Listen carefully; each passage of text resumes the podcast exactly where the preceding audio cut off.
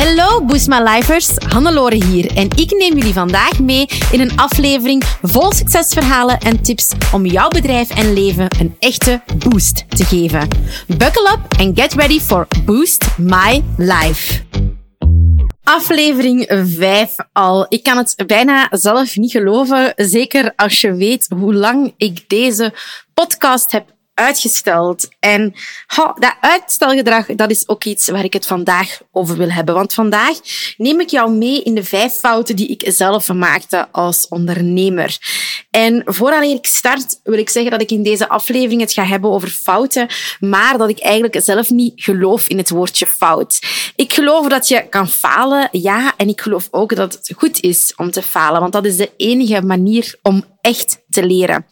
Als alles van een leien dakje loopt in jouw leven, in jouw bedrijf, in jouw onderneming, ja, hoe leer je dan? Hoe ga je dan vermijden dat je die fout opnieuw maakt? Of hoe ga je dan beter worden? Ik geloof zelf in het motto: falen bestaat niet, er is alleen maar slagen of leren. En dat is ook wat ik jou vandaag wil tonen. Ik wil jou meenemen eigenlijk in fouten die ik zelf maakte als ondernemer, maar vooral in de lessen die ik daaruit trok. En ik ga jou vandaag meenemen in drie fouten die ik maakte. Enerzijds het vragen van te lage prijzen en het aantrekken van verkeerde klanten. Ten tweede, een manusje van alles zijn zonder een sterke positionering. En ten derde, mezelf vergelijken en onderschatten. En ik ben er zeker van dat deze fouten of deze lessen heel herkenbaar zullen zijn voor jou omdat je hier toch al mee geconfronteerd wordt. En ik hoop vooral in deze podcastaflevering jou te kunnen motiveren, jou te kunnen tonen dat je hier lessen uit kan trekken en hoe je hiermee kan omgaan. So, let's dive in. Wat zijn de drie grootste lessen die ik meenam um, tot nu toe uit mijn ondernemerschap? En ik heb het dan vooral wanneer ik startte.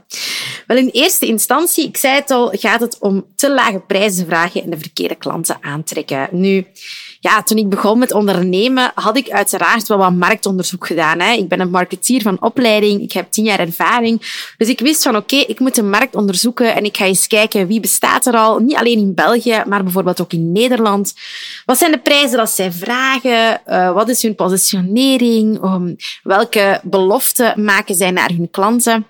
En ik had dus een heel marktonderzoek gedaan en het was tijd om mijn eigen aanbod en prijzen te zetten. En hoewel ik mij heel goed financieel had voorbereid, ben ik begonnen in bijberoep en was het een beetje in eerste instantie de filosofie van kijk, wat ik hier uithaal is een mooie extra, ik moet hier niet per se van leven. Dat is heel vaak de insteek en dat is een heel correcte insteek wanneer je in bijberoep bent. Maar natuurlijk um, geeft dat ook wel een beetje de consequentie dat je misschien te lage prijzen vraagt. Ik startte met ondernemen en er is natuurlijk één ding dat je wilt en dat is klanten en liefst veel klanten. En vanuit een gevoel van schaarste zette ik mijn prijzen te laag. Veel te laag. En ik heb daar heel veel uit geleerd. En ik vind dat ook wel ergens confronterend om dat te vertellen. Uh, want niet veel mensen weten dat. Ik heb heel snel mijn prijzen nadien ook omhoog gedaan. Dus dat was de les dat ik daaruit geleerd heb. Maar ik ben begonnen aan belachelijk lage prijzen. Een programma, een groepsprogramma dat ik nu op de markt, allez, wat ik nu eigenlijk in Boost Business doe, daar vroeg ik bijna een tiende voor van wat ik nu vraag. Ik werkte uurtje, factuurtje meer nog. Er waren mensen die mij vroegen van, kijk, kunnen wij niet met een soort ruildeal werken? Um, en bijvoorbeeld, je wordt gefactureerd op het resultaat. Gevolg daarvan was dat ik nooit een factuur heb gestuurd naar mensen, omdat um, zij veel, ja, zij maakten geen commitment, zij betaalden niks, ik kon niet opleveren, waardoor we eigenlijk in een soort eindeloos straatje zijn terechtgeraakt en ik uiteindelijk nooit een factuur heb gemaakt. Ik vroeg te lage prijzen en ik trok daar bepaalde klanten mee aan klanten die heel erg veel eisend waren. Klanten die eigenlijk de waarde van mijn werk niet inzagen. Die zoiets hadden van, kijk, jij bent er, jij kost niet veel, ik ga jou inhuren of ik ga jouw diensten gebruiken. Maar eigenlijk hecht ik er toch niet zoveel waarde aan. Het is misschien omdat iedereen mij zegt dat ik dat moet doen, dat ik uh, dit uh, zal gaan gebruiken. En ze waren heel veel eisend, eisten ontzettend veel, eisten veel meer van mij eigenlijk dan de diensten dat ik aanbood, eisten ook dingen die ik niet kon waarmaken voor hen. En ja, waren vaak dan ook niet betaald om, uh, bereid om te betalen voor extra diensten bijvoorbeeld, of um, zagen de meerwaarde er echt niet van in. Dit waren klanten waar ik natuurlijk niet gelukkig van werd. Ik zeg het, ik heb eens een, een, een klant gehad die eigenlijk niet de meerwaarde inzag van wat wij deden. Het was ook al een iets oudere klant, verwachtte heel veel, verwachtte dat wij eigenlijk het wiel opnieuw gingen heruitvinden, dat wij dat bedrijf konden, konden bij wijze van spreken redden. Maar natuurlijk verwachten wij ook een input van de klant. En um, dat was eigenlijk een mismatch. Door te lage prijzen te vragen, was er eigenlijk een mismatch tussen vraag en aanbod. En dat is een les die ik heb geleerd. De verwachtingen van klanten waren niet in lijn. En anderzijds trok ik er wel ook klanten aan waar ik wel graag voor werkte. En ik merkte bij hen een hogere bereidwilligheid om te betalen. Dus ik deed gewoon de test. Ik heb mijn prijzen verhoogd, consistent verhoogd. En ik merkte dat ik begon te groeien. Ik begon meer klanten aan te trekken. Ik begon de juiste klanten aan te trekken. En ik ben heel snel geshift. Ik, ik heb ook durven shiften. Ik heb mijn prijzen ook echt drastisch verhoogd. Niet zomaar 100 euro erbij, maar eerder 1000 euro erbij. En ik heb hier een belangrijke les uitgeleerd. Want hoewel ja, ik natuurlijk lesgeef in prijszetting, letterlijk ook, hè, bijvoorbeeld aan, aan de hogeschool of de NIF, en ik hier alles van ken, heb ik de prijs geleerd van mezelf te onderschatten, maar ook om eigenlijk in de val van schaarste te trappen. Vanuit het idee, ik ga niet genoeg klanten hebben, en anderzijds vanuit het idee, het is maar een extraatje, vroeg ik niet de juiste prijzen. En ik wil jou meegeven dat de juiste prijzen vragen het essentieel is. Want met prijzen, daarmee gepaard gaat een notie van kwaliteit. Er is een soort prijspsychologisch effect dat ons zegt dat aan een bepaalde prijs een bepaalde kwaliteit hangt. En het is superbelangrijk om dus ook de juiste prijs te gaan vragen om ervoor te zorgen dat mensen jou als kwalitatief gaan zien. Een goede prijsvraag lokt ook engagement uit van jouw klanten. Als jouw prijs te laag is, en dat heb ik aan de lijve ondervonden, dan ja, gaan mensen zich ook niet engageren. Dan gaan mensen geen moeite doen. Ze gaan ervan uit dat het een logisch gegeven is. En ja, er komt geen effort. En het is veel leuker om te werken voor klanten die net wel engagement doen. Bovendien hecht de klant, als ze een bepaalde prijs durven neerleggen, dan weet je dat de klant waarde hecht aan jouw product. En dat is natuurlijk wel een hele belangrijke, want als de klant waarde hecht aan jouw product, dan kan jij ook veel makkelijker resultaten gaan boeken en dan is het ook fijner werken. Een prijszetting heeft dus niet alleen invloed op ja, hoeveel je verdient, maar ook op welke klanten je aantrekt. En daarom is het zo belangrijk om hier goed over na te denken. En ja, een voorbeeldje dat ik daarover kan geven is, wat, gaat er, wat komt er in jou op als ik zeg dat er een Chanel te koop is in de Aldi?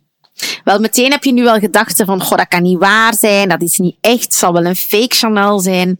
Wel, dat heeft te maken met twee merken die heel sterk op prijszetting en prijspsychologie inspelen.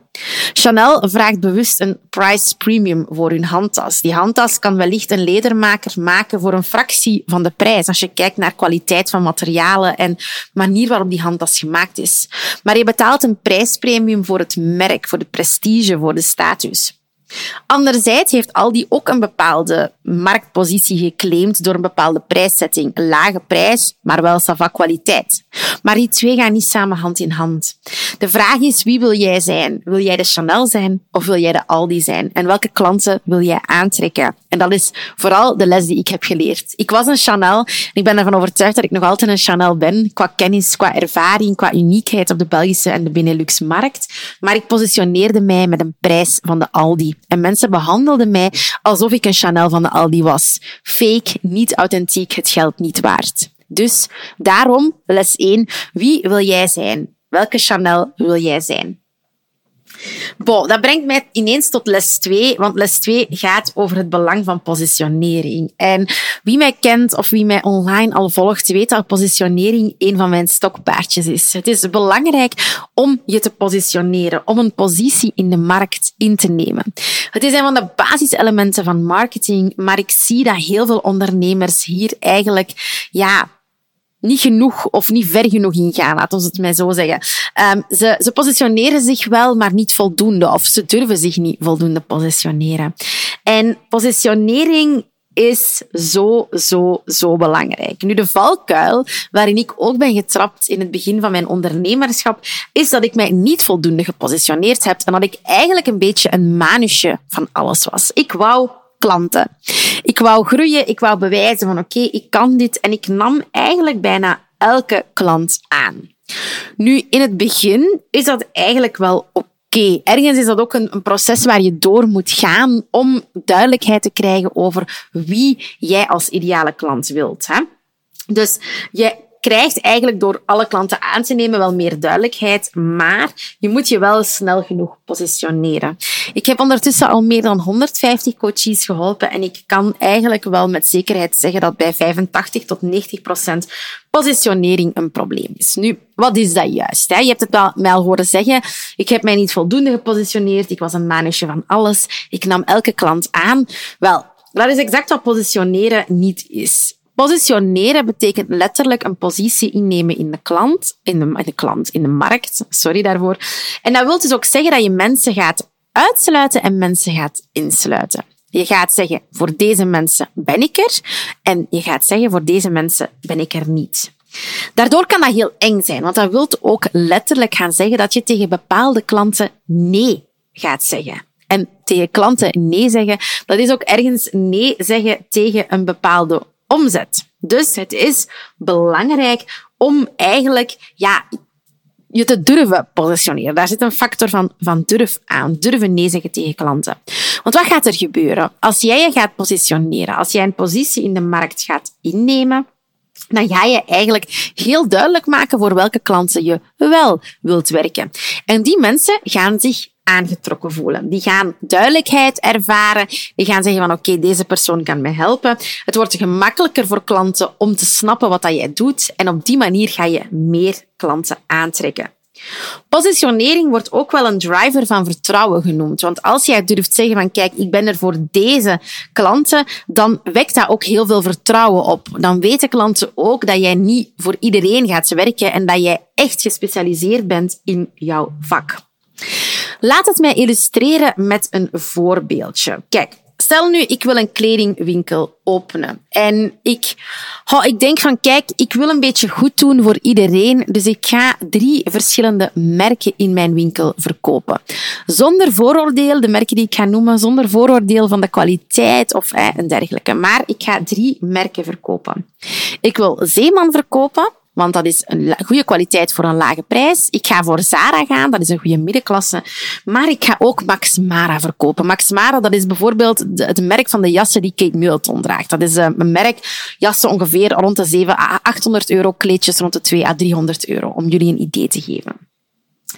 Maar wat gaat er nu gebeuren? Ik denk ik zelf denk, oké, ik doe goed, want ik heb hier van alle drie de merken in mijn winkel liggen. Ik bied van alles aan, dus klanten zullen wel naar mij willen komen, want het is heel duidelijk. Ik heb voor ieder wat wils. Dat is mijn motto voor ieder wat wils. Nu, wat gebeurt er? Ik heb in mijn etalage de drie merken uitgehangen. En er komt een madammeke voorbij, en dat is een grootmoeder. En zij is gewoon van voor haar kleinkinderen zeeman te kopen, want ze heeft 15 kleinkinderen. En dan kan ze voor iedereen eens een keer iets kopen. Hè, want het is toch goede kwaliteit, maar niet te duur. En zij komt voorbij en zij ziet dat ik in mijn etalage zeeman heb liggen. En ze denkt, oh, my, interessant, hè, een winkel dat zeeman verkoopt. Maar ze kijkt wat verder en wat ziet ze? Ze ziet ook een broek van Max Mara hangen die ja, bij wijze van spreken bijna tien keer zoveel kost dan de broek dat zij normaal koopt. En ze zegt, goh, ja, tof dat deze winkel Zeeman heeft, maar ik ga toch naar mijn Zeeman gaan waar ik altijd ga, want misschien is de Zeeman hier wel duurder. Want zij heeft ook broeken hangen van 200 euro, dus misschien vraagt zij wel meer voor de Zeeman. Het is hier een winkel voor de shishi-madammekes. Het is niet voor mij, want ga ja, ik ben geen shishi-madammeke en ik heb die centjes niet, dus ik ga voorbij wandelen. Ik ben het mevrouwtje dat normaal altijd zeeman koopt kwijt. Vervolgens komt er iemand voorbij die normaal altijd naar Max Mara gaat in Gent. En zij komt voorbij mijn winkel en ze zegt, oh tof, amai, ze hebben hier nu ook Max Mara, interessant. Ze kijkt in de etalage en naast de jas dat ze graag wilt kopen van Max Mara hangt ook een goedkopere jas van Zeeman. Want ik dacht in mijn etalage, ik toon dat ik voor iedereen wat wils heb, dus ik toon het alternatief voor de dure jas. Die mevrouw kijkt daarnaar en ze zegt, goh, ja, weet je, ik ga toch maar naar mijn winkel in Gent gaan, want wie weet is dat hier Max Mara kwaliteit van de outlet. Want daar hangt een goedkope jas aan die, naast die een tinde kost. Dus misschien is de Max Mara dat ze hier verkopen wel niet de Max Mara met dezelfde kwaliteit. Die vrouw ben ik dus kwijt. Vervolgens komt er iemand naar mijn winkel die gewoon iets van Zara te kopen. En zij vertelt mij van ja, ik vind Zara een superleuk merk, want ik kan daar eigenlijk een look samenstellen en ik weet als ik een broek, een topje en een trui heb, dat ik altijd rond de 150 euro ga zitten. Hetzelfde met een kleedje en een blazer, altijd rond de 150 euro. Dus ik weet dat ik gewoon een look kan shoppen voor dat bedrag, dus daarom kom ik eigenlijk voor Zara. En ze begint in mijn winkel samen te stellen en wat blijkt, daar zit een blouseje bij van Max Mara en haar outfit komt bijna op dubbel zoveel uit als normaal. Ze is teleurgesteld, want dit is niet de shoppingervaring dat zij gewoon is. Zij wil een look kunnen samenstellen zonder te kijken en weten dat dit past voor haar budget. Zij komt ook niet meer terug naar mijn winkel. De drie klanten die ik dacht aan te trekken door voor ieder wat wils aan te bieden, ben ik kwijtgeraakt omdat ik mij niet voldoende heb gepositioneerd. Ik ben een manusje van alles geworden, waardoor ik uiteindelijk niemand echt aan heb getrokken of toch niet mijn juiste klanten heb aangetrokken. Dat is de les die ik jullie wil leren met positionering. Durf jezelf positioneren. Als ik voor één van de drie merken had gegaan, dan had ik mijn klant wel aangetrokken. En dan gaat het niet eens over welke positionering dat je kiest, de high-end of de low-end. Het gaat erom, als ik mij gepositioneerd had, dan had ik klanten aangetrokken. Dat is trouwens exact wat als supermarkten doen bijvoorbeeld. Aldi, Lidl, die positioneren zich op prijs-kwaliteit. Colruyt merken aan een goede prijs. De Leize en Albert Heijn positioneren zich veel meer op kwaliteit en variëteit in aanbod bijvoorbeeld. Dus het is belangrijk om die positionering te gaan volgen en je daaraan ook effectief te gaan houden. Hetzelfde gebeurt bijvoorbeeld ook met automerken. Hè. Um, wist je dat, ik ken niet zo heel veel van auto's, maar wist je dat Audi, Skoda en Volkswagen bijvoorbeeld heel veel auto's op dezelfde fabriekslijn maken? Dus de onderkant van die auto's is eigenlijk hetzelfde. Natuurlijk, de opties, de carrosserie en dergelijke zijn anders, maar de onderkant van die auto's is hetzelfde. Het zou voor hen natuurlijk veel makkelijker zijn om één showroom te maken met de drie merken in, Skoda, Volkswagen, Audi. Zou hen veel kosten besparen qua huur en qua locaties. Maar dat doen zij niet, want die positionering is net zo belangrijk. Skoda, familiewagen, goede kwaliteit. Volkswagen, Duitse kwaliteit, veiligheid. En Audi, premium kwaliteit. Je moet dus kiezen. En dat is ook de les die ik heb geleerd. Als jij wilt groeien in jouw onderneming, dan is het belangrijk om je te durven positioneren en te durven tegen klanten nee te zeggen. Dat brengt mij tot slot tot les of fout 3 die ik heb gemaakt. En dat is mijzelf onderschatten. Of ook wel de comparison trap. Ondertussen ken ik het belang van mindset maar al te goed. En dat is ook de reden waarom ik een tweede bedrijf, Hands-on Academy, heb opgericht waarin we werken rond mindset.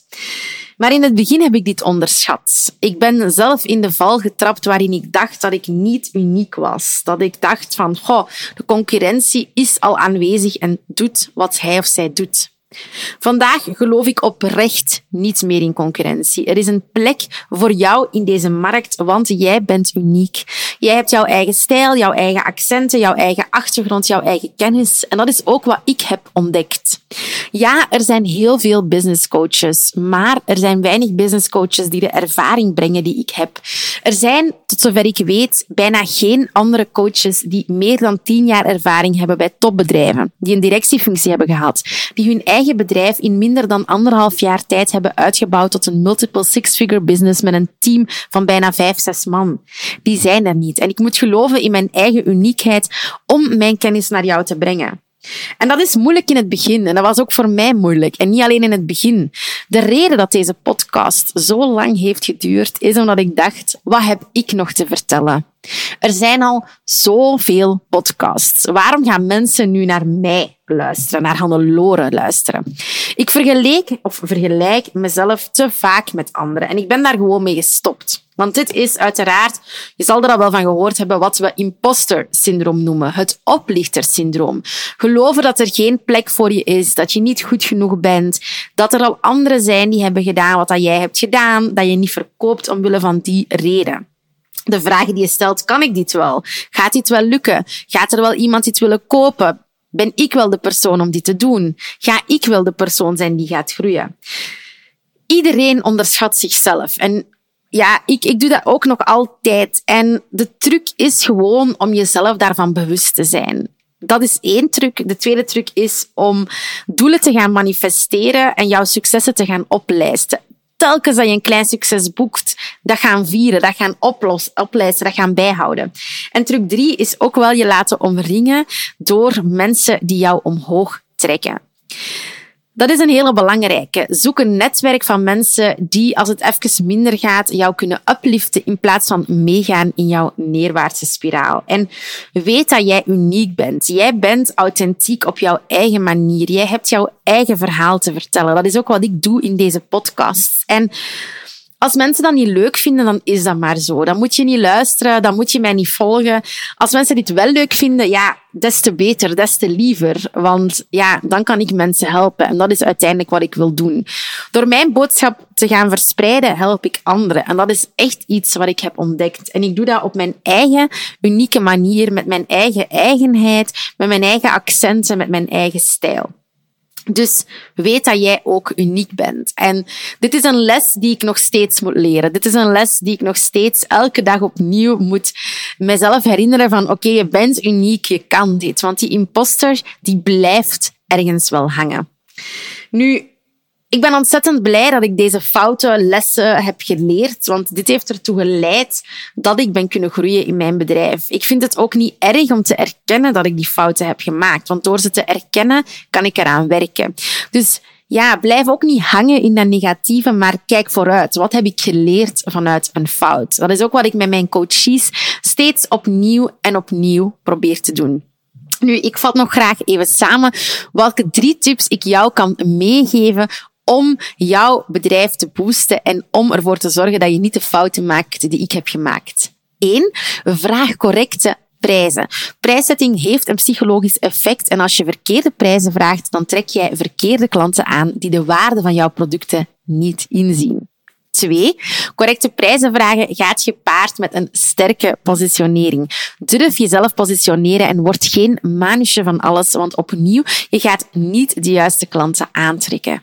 En drie, geloof in jouw authenticiteit, uniekheid en eigenheid. Concurrentie bestaat niet. Jij hebt een eigen stijl, eigen kennis, een eigen achtergrond, een eigen verhaal met eigen accenten en die moet je naar voren brengen. Laat je omringen met mensen die je upliften in plaats van naar beneden trekken. Wil je hier meer over leren? Wel, dit zijn allemaal aspecten dat ik behandel in mijn Boost My Business programma. Het groepsprogramma voor ambitieuze ondernemers, waarin ik je begeleid in mindset, aanbod, prijszetting, positionering, e-mail marketing, funnels, social media, jouw website, SEO en zoveel meer. Een super compleet programma eigenlijk met heel veel individuele aandacht en maatwerk. Dus als je daar interesse voor hebt, check it out on onze website. Als je deze aflevering wilt nalezen, dan kan dat uiteraard op boostways.be slash 5. En ja, als je het leuk vindt, laat het mij dan zeker weten, want feedback is a gift. Dat heb je mij al meermaals horen zeggen. Alleszins, ga ondernemen met heel veel passie. Wees niet bang om fouten te maken. En ik hoor je graag heel snel weer in de volgende podcast. Zo, dat was het alweer voor deze Boost My Life aflevering. Super fijn dat je erbij was. Merci. Heb je genoten van deze aflevering en een echte boost ervaren? Deel hem dan gerust met je collega-ondernemers, familie en vrienden of abonneer je op deze podcast. Delen in je socials is extra lief. Voor meer tips en tricks om jouw onderneming te boosten, volg je ons op je favoriete social media kanaal op boostways.be of bezoek je onze website www.boostways.be. Heel erg bedankt en tot de volgende keer. Let's boost your business, let's boost your life.